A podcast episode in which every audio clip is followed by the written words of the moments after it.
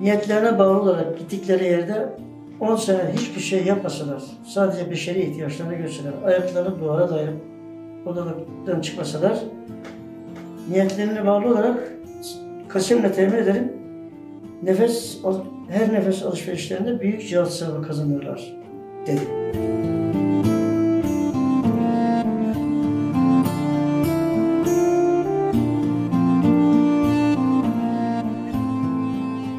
Bakü'ye geldiğimiz zaman yanımızda Kazan'a e, götüreceğimiz Tataristan'ın başyeri Kazan'a götüreceğimiz arkadaşımız, hoca arkadaşımız yanımızda. Yanımızda devamlı da o e, Taşdemir Bey, Ağızka Türklerinden olan arkadaşla beraberiz. Bah- Bahtiyar Vahapzade'yi ziyaret ettik. E, hocamız Türkiye'den bir arkadaş grubunu Azerbaycan'da okullarla alakalı şey e, protokol yapmak için organizesi olmuş. Yani artık bizim yapacağımız orada bir iş kalmadı. E, ziyareti yaptıktan sonra e, Kazan'a geçtik. 6-7 saat bir uçuştan sonra. Orada da daha önce Başkurtistan ve e, Tataristan'a birkaç defa gidip geldiğim için hep bunlar e, şey amaçlı. E, dostluk kurma, tanışıklık olma, kendimizi tanıtma amaçlı, hizmeti tanıtma amaçlı. Abdül, e, orada bir e, müftü efendi vardı. O zatın evine önceden telefon ettik. O bizi karşıladı. Evine vardık. Böyle nur yüzlü bir annesi var. Üç tane çocuğu var. E, hanımefendi ablamız öyle. Güzel bir şey bize üst katta evlerin üst katını bize tahsis etmişler. Ondan sonra güzel de bir Ta- Tatar mutfağını, yemeklerini hazırlamışlar. Çok e, sıcak bir karşılama, e, sıcak bir ev ortamında misafir olduk. Şimdi benim yanımda oraya götürmeyi planladığımız arkadaşımız en sona kaldığı için herkes bir yere yerleşti. O hala bir yeri belli, yani netleşmedi yeri. Kazanda da bir netlik yok gibi zannediyordu. Kendi kendine yani biz boşuna mı geziyoruz acaba bu kadar yer dolaştık geri mi döneceğim falan diye içinden tereddüt varmış. Ama bize bizi de şey rahatsız etmemek için söylemiyormuş. Kazana vardık. Ee, işte dedik istediğiniz arkadaşı getirdik. Hocayı getirdik. Deyince bizimki gözleri yaşardı. Ya abi dedi tamam şimdi de artık tamamen ailede aileyi de gördükten sonra ben dedi e, burada rahatlıkla kalmayı arzu ederim. Çünkü onlar kendi evlerinde misafir etmeyi planlıyorlardı. Evde müsait. Oradan Ufa'ya geçtik. Şimdi biz ilk Rusya açılımında başta söylemiştim. Ee, Ufa müftüsünün çok akıllı, dengeli, çok sevilen, sayılan bir insan olduğunu e, söylemişti Batum'daki hocamız. Ve dolayısıyla bana tekrar gel beraber gidelim demişti. Gittik. Kaç defa gidip geldiğimi bilmiyorum ama onlardan bir tanesi şu an aklıma geldi. Beyaz geceler var Rusya'da. O gün vardığımızda e, bir vardığımda o gün demeyeyim de çok olduğu için ya güneş batmıyor. Bir kızıldık orada battı ama kızım güneş ortalık aydınlık. 50 metre gibi görünmüyor uzaktan görünüş. Öbür tarafta oradan battı, oradan doğdu. Heyecandan uyamadım sabah kadar. Öyle bir gece de geçirmiştim orada bir hatıram var. Neyse. Ee, bu zat e, orada Cumhurbaşkanı da bizi referans referans verdi. Tataristan'a referans oldu. Dolayısıyla iyi bir e, Türkiye'ye biz onu davet ettik. Çoluğunu, çocuğunu, hanımını, kızını, damadını. Biz oraya gittik. Aramızda da iyi bir dostluk oluştu. Hatta işte bize başta o zaman söylediğim gibi e, buralarda eğer tutulmak, bura, sizin anlattıklarınıza bu ülkenin ihtiyacı var ama sizin anlattıklarınızda tutarsızlık olursa kulağınızdan tutarlar, arkanızdan tekmeye vururlar. Hiç kusura bakmayın. Yani sıkı sıkı bunu tembih ediyordu. Bir, aman bir yanlışlık yapmayın. E zaten bizim yap, yapma lüksümüz mümkün değil. Yok böyle bir şey. O, olması mümkün değil. Ben yine bir yurt dışı dönüşümde Türkiye'ye geldiğim zaman Talat Taceddin Bey'in zihinsel bir rahatsızlık geçirdiğini duydum. 8 aydır hiç uyumadığını ve devamlı konuştuğunu söylediler. Ben de Hoca Efendi'ye durumu anlattım. Hocam dedim böyle böyle e, bir şey durum var. Bu zat rahatsız olmuş. Ne yapalım? Hemen dedi Türkiye çağıralım. Tedavi ettirelim. Gittik, getirdik. İstanbul'a geldiğimiz zaman da aradım. Hocam biz geldik. Dedi yarın akşam İzmir'e yemeğe getir. Ee, burada beraber olalım dedi. Hem bir ben de göreyim. Yani kime söyleyeceğiz, ne yapacağız, nasıl tedavi e, olacak falan. Ya hocam öyle bir şey ki ya arkadaş bir nokta virgül koy yani araya ben de bir şeyler söyleyeyim yani sen söylediğine cevap olarak. Yok mümkün değil. Bir de kıyafeti başında böyle kal, şey Osmanlı padişahların kovuk mu diyoruz ona biz? Kavuk. Kavuk. Taylasanı var arkasında. Orada resmi de var görüyorsunuz. Ee, sırtında yeşil bir pelerin türbe yeşili. Arkasında Ufa Mescidi'nin maketi. Elinde kuşak. Kuşağın içinde bir plastik tabanca, bir plastik kama. Eskiden benim çocukluğumda kilotlu pantolon derlerdi. Böyle kenarları böyle kabarık. Ayağı sıkmalı. Öyle bir kilot. 10 parmakta 10 tane yüzük. Kocaman kocaman 10 tane yüzük. Şimdi getirdik Türkiye'ye ama e, herkes soruyor. Merak ediyor. Ya bu kıyafet şey değil yani. Standart dışı. Ben de hiç oraya e, Müstefa'nın muhatap etmeyeyim diye bir fırsatını bulup bir şey, bir şey, bir şey, bir şey sorarlarsa biraz kenarda durup Sibirya Müslümanlarının milli kıyafeti bu diyorum. Ki ondan millet bir şey diyemiyor tabii. Ve geçiştiriyoruz. Uzatmayalım. Çok zor şartlar altında bir İzmir yolculuğu yaptık. Yani tahmin edersiniz öyle bir yolculuğu. Allah rızasından başka milyar dolar verseler hiç kimse katlanmaz hocam bunlara yani.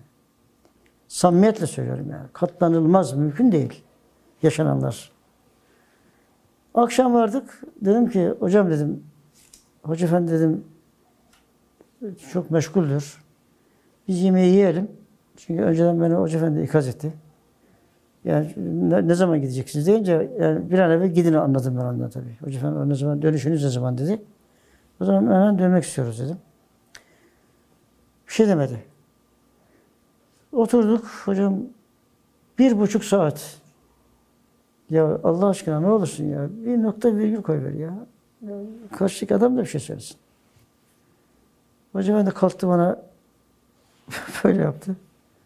Kapı arasından. Kurban olayım Saadettin Bey dedi. Allah aşkına benim sabaha yetiştirecek işlerim var dedi. Böyle çok konuşanlar dedi. Başkalarının konuşmasını dinlemek istemezler dedi. Hep kendileri konuşmak ister dedi. Dediği bu. Peki hocam dedim. Biraz sonra 5-10 dakika sonra geldi. Ama o arada ben de Müftü Efendi'yi hazırlıyorum. Gelir gelmez kalkalım diye.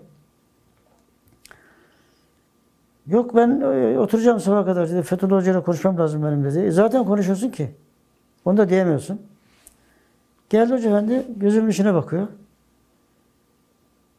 3-5 dakika tabii öyle biraz oturmak zorunda kaldım.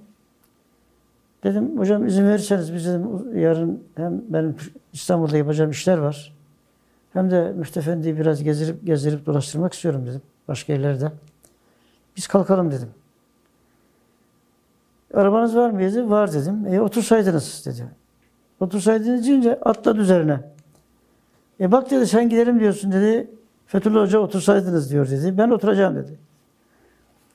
Girdim koluna. Hocam özür dilerim hocam dedim. Biz kalkalım dedim. Hoca Efendi'ye. Koluna girdim. Hocam kalkalım dedim. Biraz tavır koydum. Öyle deyince yapacak bir şey kalmadı. Çıktık yola. İstanbul'a nasıl geldiğimi bilmiyorum yalnız. Neyse İstanbul'da bir e, sinir e, ruh hastalıkları profesör ayarlanmış. Kemal abiye telefon edildi. Kemal abi bizi buluştuk bir yerde karşıladı. Otele götürdük, yatırdık. Pardon, e, karşıladı. Sonra doktora gittik. Doktor dedi ki çağırdı beni. Bak kardeşim dedi ben şimdi dedi buna bir ilaç verdim. Bu ilaç dedi hemen bayıltır bir an evvel bunu götürün dedi. Yani taşıyamazsınız dedi. Adam öyle dedi. Biraz sonra bu çıktı bana dilin altındaki ilaçları gösteriyor. Bak diyor bana doktor ilaç ver diyor. Şeye tükürdü. Ben hemen içeriye girdim. Hocam dedim bu bütün şeyleri verdiğin ilaçları tükürdü bu. Peki dedi. Tamam dedi gelsin. İkna et, siz çıkın dedi bize. Çıktık Kemal abiyle. Bunu ikna etmiş abi. Bana dedi ki mandayı bayıltır dedi. 15 dakika sonra bunda taşıyamazsınız dedi. Vurdu ilaçla. iğneyle. Arabaya bindik. Yağmurlu bir kış günü Erenköy'den Topkapı'ya geleceğiz. Tahmin edersiniz İstanbul trafiğine.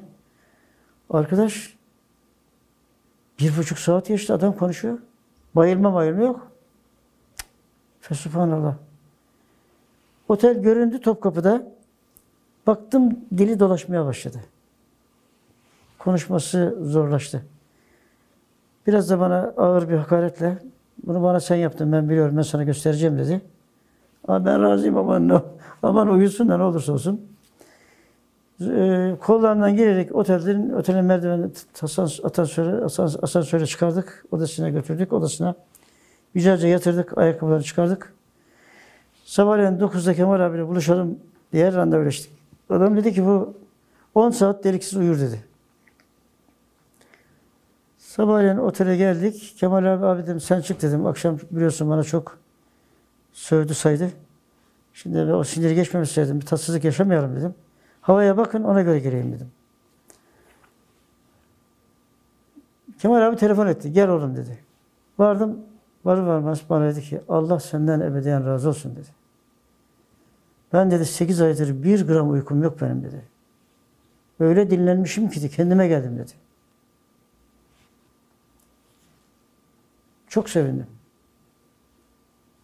Bu sefer o başka bir otele mi gitmek istedi? Neydi? Bizim Salih Bey diye bir arkadaş var. Ondan Taksim'de bir yere uğraması lazımmış. Ben orada kalayım dedi. Topkapı'daki otelin kayıtlarını sildik. Taksim'e gittik. Biz oteldeyiz. Salih Bey, ben, Müftefendi. O zaman çağrı cihazları var. Cevdet beni çağrı cihazıyla aradı. Abi Hoca Efendi çok acele seni çağırıyor. İlk uçağı biletini al. Dönüş biletini de ilk uçağı al. Acele gel. Hemen Salih Bey'i bıraktım. Doğru havalarına ilk uçak denk geldi. Bindim, vardım. Hemen e, Hoca Efendi bana biz uçağı ne zaman dedi. E, bir buçuk saat, iki saat falan da galiba. Bir yemek falan yedirdiler. Bunu müftefendiye ver, benim de selam vermeklerimi söyle dedi. Kabarık bir zarf verdi elime. Döndüm, geldim, uçağa bindim. Taksim'deki yere vardım. Salih Bey başında oturuyorlar. Hemen zarfı çıkardım, önüne koydum. Dedim, Hoca Efendi size çok selam var. Bu zarfı gönderdi. Aldı, açtı. İçinden 5000 e, mark çıktı. O zaman tedaviliydi. O mavi yüzükler vardı markın. Bunu masanın üzerine koydu. Mektubu okurken başladı ağlamaya. Arapça mektup. Adam eserde dört sene okumuş. Arapçayı mükemmel biliyor. Ee, dini malumatı, mesmuatı da var. Türkçe de güzel biliyor. Bir ara kesti mektubu. Sen dedi bu mektubu okudun mu dedi. Okumadım dedim. Biraz daha devam etti.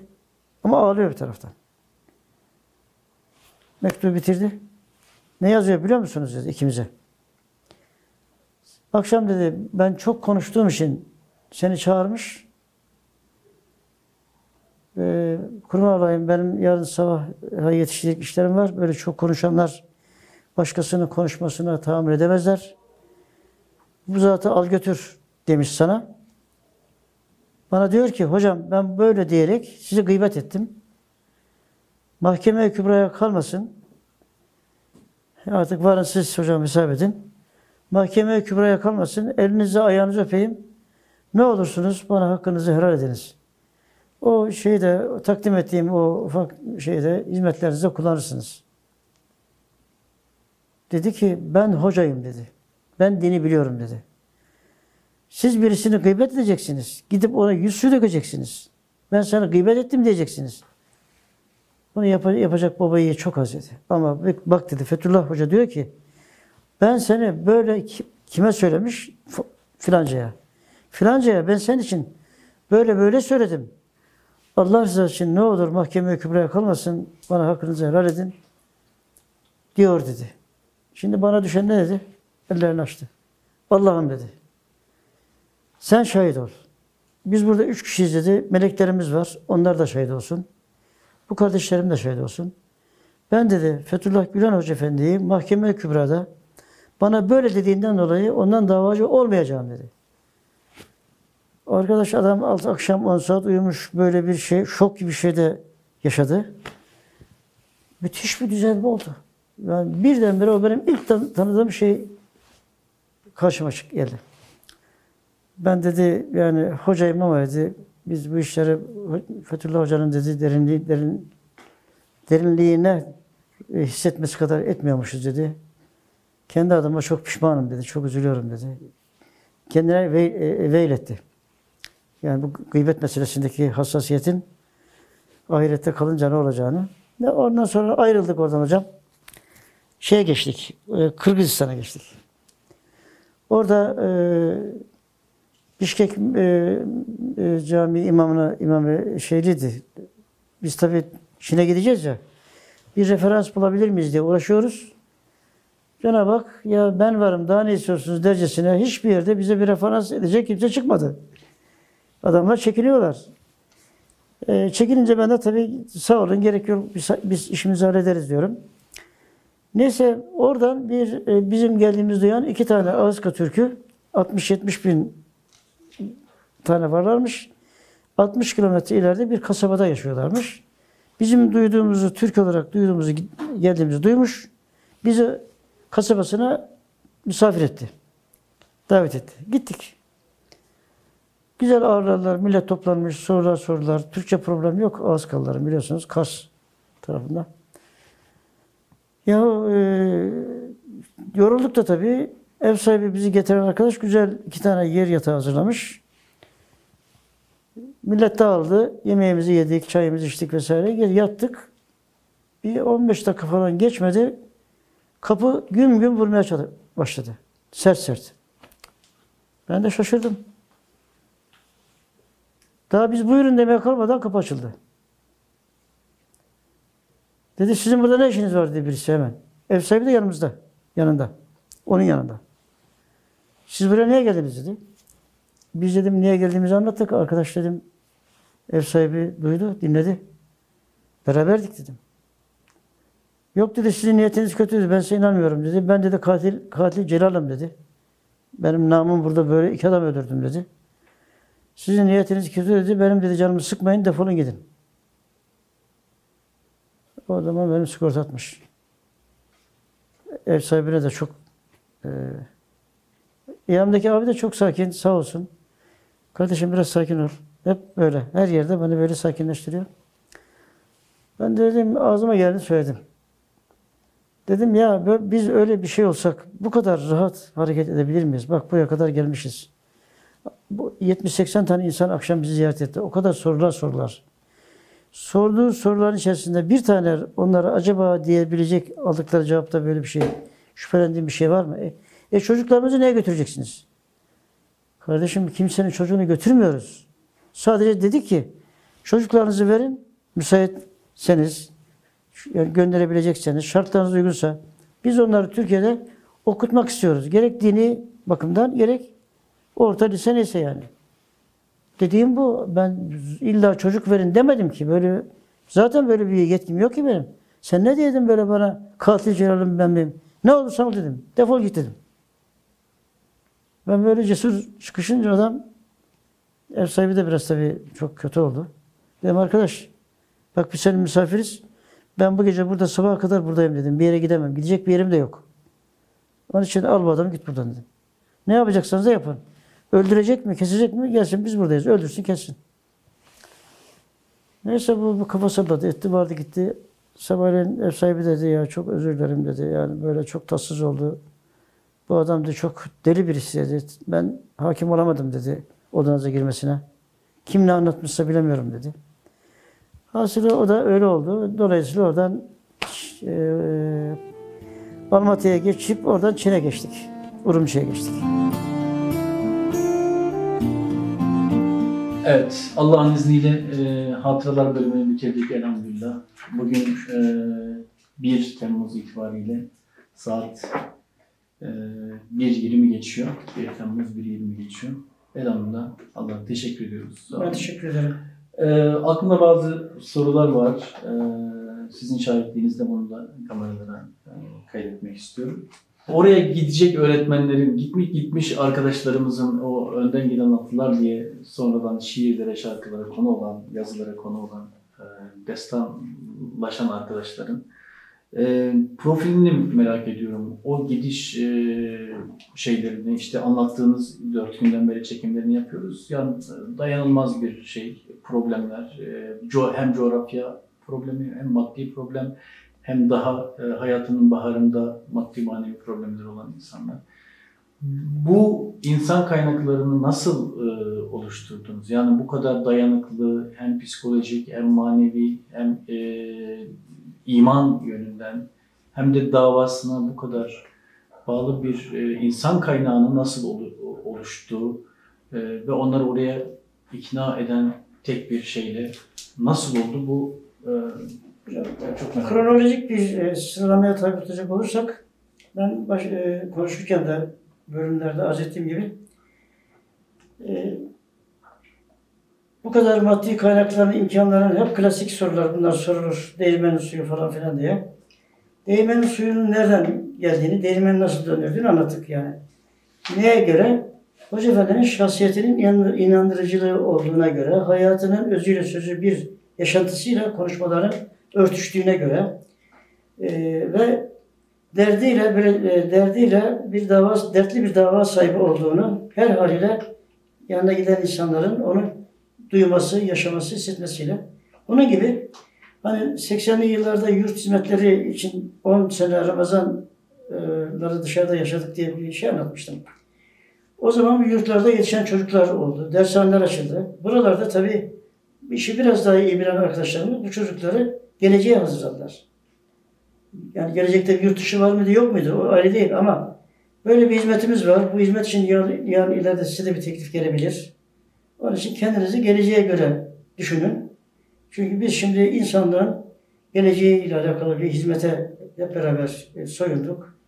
Dolayısıyla e, dünyayı bilimli, ilimli nesiller yetişsin. İnsana insan ola- olarak bakan, o duyguya, düşünceye sahip olan insanlar dünyaya vaziyet etsin, milletlerini, devletlerini yönetsin ise arkadaşlar bu şuurla 90'lı yıllara hazırlandılar.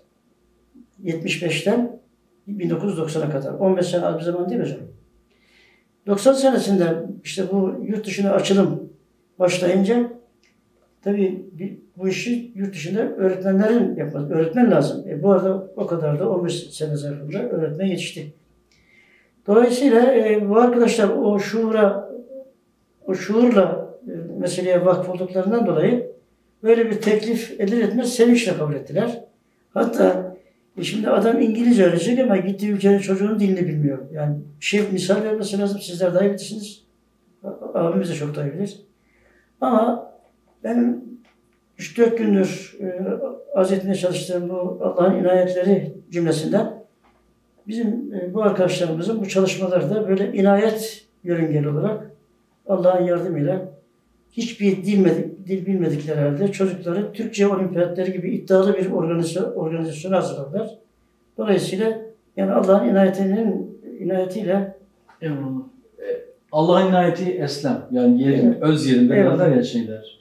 Ben dört gündür sizden dinlediğim e, şekliyle bir makuliyet çizgisi var. Hiç böyle e, inayet tabii ki e, o şey ama e, o Tabii ben kadar o, o, o odaklı bu evet şey ya o kadar makuliyet şeyini bir- değirmenin suyu nereden geldi, öğretmen kaynakları nereden geldi, nasıl gittiniz, nasıl oldu, nasıl bir okullar e, bir anda e, binlerce 160 ülkeye yapılmasından önce bir anda 106 sizin zamanınızda o yüzlerce okul o, o coğrafyada sadece Evet. Açıldı ve bunun anlattığınız gibi bir, bir makuliyet çizgisi var. Evet. E, çok e, o öğretmenlerin de o şekilde e, olacağını e, düşündüğüm için bu soruyu e, soruyorum. E, öğretmenler nasıl gidiyor? Nasıl yani bir Çorumlu bir arkadaş, Osmancıklı bir arkadaş, e, Boğaziçi mezunu ve siz onu e, Yakutistan'a veya Tuva'ya veya bir başka yere götürme şeyiniz oluyordu. Yani gidiyorlar, gittiler bunlar. Hocam tabii bu e, inandırma meselesi. Evet. Nasıl hocamız Anlattıklarını samimiyet anlatıyor. Arka planda bir düşüncesi yok ve insanlara tesir ediyor. Ta- e, bu çocukları geleceği hazırlayacak, hazırlayan arkadaşlar, yurtların işte müdürleridir, orada o, o işte ilgilenen arkadaşlardır. Onlar da bu arkadaşları e, onlar çok ihlaslı, samimi anlatmışlar. Demek ki onlar da abilerinde bu Tesir samimiyeti görmüşler. Esnek şey var, bir şeffafiyet var. Gözünün önünde bir hayat yaşanıyor. Dolayısıyla arkadaşımız da buna inandığı için abisinin, hocam şimdi gene aklıma geliyor. 13 yaşındaki kız çocuğunu adam öğretmenine teslim ediyor. Başka bir ülkeden ta başka bir ülkeye belki 20-25 gün yani nasıl izah edilir? Bunun izahı var mı bunun izahı? Bu da öyle bir şey. Güven. Bu ne? Güven hocam. Güven. Güven inandı çocuklar yani. Talebe arkadaşlar abilerine inandı. Öğretmen aldılar. Ellerine diplomalarını aldılar. Şu yere gidilecek denildi. Ve öyle gittiler. Çok. Bunun dışında bir şey yok yani. Nasıl izah edersiniz ki başka? Arkadaşlar 3-4 ay, 5 ay ben biliyorum. Yani para gönderilemediği e, zamanlar oluyor, oldu. E, bu arkadaşın bebeği var, bebeğin maması var, ona göre masrafı var, e, ço- çocukları var, onların çocuk çocuk dinlemez ki bir yerde bir şey görür, baba, anne şunu istiyorum der. E, siz- paranız yoksa ne yapacaksınız? Ama Allah işte o şartlar altında Cenab-ı Hak bereket ihsan etti. Artık nasıl adını koyarsanız koyun. Ben başka türlü bir şey diyemiyorum. Bir başka e, benim için de önemli e, ve e, dinleyicilerimizin veya bunu ne zaman seyredeceklerse e, ileride seyredeceklerimizin e, 45 yıldır fiilen Beraber. arkadaşsınız. Arkadaşlar. Berabersiniz ve çok yakın çalıştınız. Eyvallah. Belki hizmetimizdeki o e, sistemden de farklı bir e, şekilde, Tabii, arkadaşlar, özel bir şekilde. Yol arkadaşlığı yaptık. Beraber bir yerde de kaldık falan filan. Sizin daha önceki Hüsrev abi e, hayatınızı da biliyoruz. Ondan önceki arayışlarınız hep böyle e, din, iman, e, Allah rızasıyla ilgili alakalı nerede bir şey varsa siz oradasınız. Estağfurullah. E, tamam Hoca Efendi'ye de yine e, Allah rızasıyla ilgili bir işler yaptığı için onun yanında oldunuz. Evet. O da biraz önceki sorum gibi öz yerinde. Evet. Ama bu e, işte halen şu anda e, yine Hoca Efendi ve e, arkadaşlığınız devam ediyor. Bu 45 yıllık bu zinciri, bu sarsılmaz, kırılmaz zinciri sağlayan başka bir şey olmalı. Yani e, Allah'ın sevdirmesi de yine başka bir şey. Ama onda gördüğünüz e, farklılık e, neydi ki sizi bu kadar o zorluklara, e, o yolculuklara, o e, soğuğa eksi 50'den artı 50'ye kadar olan bütün o sıkıntılara Evet, dayanma şeyi veren bir şey olmalı. Allah'ın sevdirmesinin dışında e, normal hayatta sosyolojik olarak soruyorum bu soruyu. Hoca Efendi'nin e, sosyolojik olarak bir tahlilini e, sizden belki birkaç kişiden birisiniz o anlamda. E, nasıl yapabiliriz? Dünyevi olarak nasıl bir e, insan, nasıl bir e, hoca demiyorum, insan, nasıl bir arkadaş, nasıl bir dost, nasıl bir sırdaş? Çünkü, çünkü arkadaşlık aynı zamanda sırdaşlık demektir. 45 yıldır tanıdığım bu insanın bana daha yani insani noktalar, nezaket noktasından arz edeyim. Bana daha sen dediğini duymadım. Siz siz hiç muhatap bana hitap etmedi. Kendi adıma yaşadıklarımı söylüyorum. Ve hiçbir zaman da talimat verir gibi ifadelerle böyle bir yönlendirme içinde hiçbir zaman 45 yıllık Hoca Efendi ile arkadaşlığımda gördüklerim kendi yaşadığım olduğu gibi zaten beraberliklerimiz, to- toplantılar, sohbetler, şunlar bunlar. Orada diğer arkadaşlara da yapılacak bir şey sadece böyle bir şey siz ne dersiniz yani olabilir mi? Böyle bir şey düşün, aklıma geldi falan. Herkes fikrini söyler. Böyle despotça söyler. Yok öyle değil, böyle olması lazım. Yok böyle bir şey. Hatta bir gün bir e, şey istişare esnasında bir mesele konuşuluyordu. Önemli meseleydi. Benim aklıma bir şey geldi. Ben de hocam böyle olabilir mi? Bak ben bunu düşünmedim saatimi. Çok iyi olur. Buna şey yapalım dedi. Bu notarda bunu yapalım dedi. Bu kadar demokrat yani. Aynı zamanda yani şimdi hocam bir insanla 45 yıl berabersiniz. 45 yıl önce tanıdığınız gün söyledikleriyle işte bugün e, YouTube'lara düşüyor. Yemin ediyorum bir tenakuz görmedim hocam. Bu nasıl bir şey böyle? Bu nasıl bir doğruluk? Bu nasıl bir düzgünlük? Ha millet şu diyor bu diyor. Herkes kendi düşündüğü gibi söyleyebilir. Zaten kendisi söylüyor. Ben kim aleyhimde konuşursa konuşsun mahkemeye kübrada yakınlarına yapışmayacağım. Siz de şahit olun. 50 defa diyormuşsunuz. Ama şunun için endişe ediyorum. O da çok zor işler. Yani Hukukullah. hukukullah var. Yani onlara da üzülüyorum. Hatta geçenlerde aynen şunu söyledi. Ben ziyarete gittiğimde. Şu anda aleyhimize uğraşan, uğrayan, uğraşan arkadaşlar için dedi. Ahiretler adına ben dua ediyorum. Siz de dua edin dedi. Yemin ediyorum. Yemin ediyorum. Siz de. Ahiret çok zor. Bildiğiniz gibi değil dedi yani.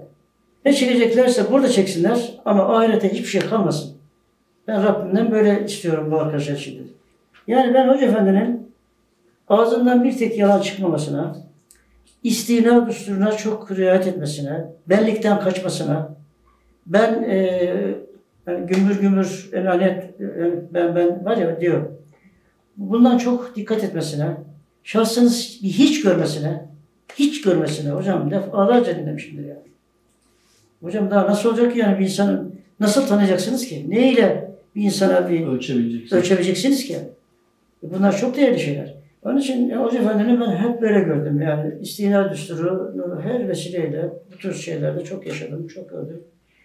Çok inandım, çok sevdim. Kim ne anlatırsa anlatsın, ben derler ya buradan girer buradan çıkar. Çünkü ben 45 yıldır yaşadığım, tanıdığım insanı biliyorum. Allah babaş olabilir misiniz? Hani aklınız Ne? peynir ekmek, Yok. peynir ekmek. Bu şeyi bir ilk önce anlayamamıştım. 1969'da e, Rusya'da e, e, önümüzdeki 5-10 yıl içerisinde Rusya coğrafyası, coğrafyasında köklü değişiklikler olacak dediğimde içimden bu nasıl olacak ki diye bir itiraz ettim. Ama oldu yani işte. 79'da söyledi, 89'da Gorbaçov sistemin dünyada çöktüğü ilan etti. Anlattık bunu. Onun için hiç aklıma Hoca Efendi'nin ya hocam niye böyle söylüyorsunuz ya şimdi yerime tövbe estağfurullah hiç öyle bir şey hiç yaşamadım. Örtüşüyor hocam. Ten- tenakuz yok. Yok şeyi demek istedim. Evet. Belki e, siz o kadar değerlendirebilecek e, şeyde birisi değilsiniz ki böyle kuru kuruya e, teslim oldunuz onun şeyine yediniz. Onu da diyorlar ya siz aklınızı kiraya verdiniz. O zaman şunu demek lazım.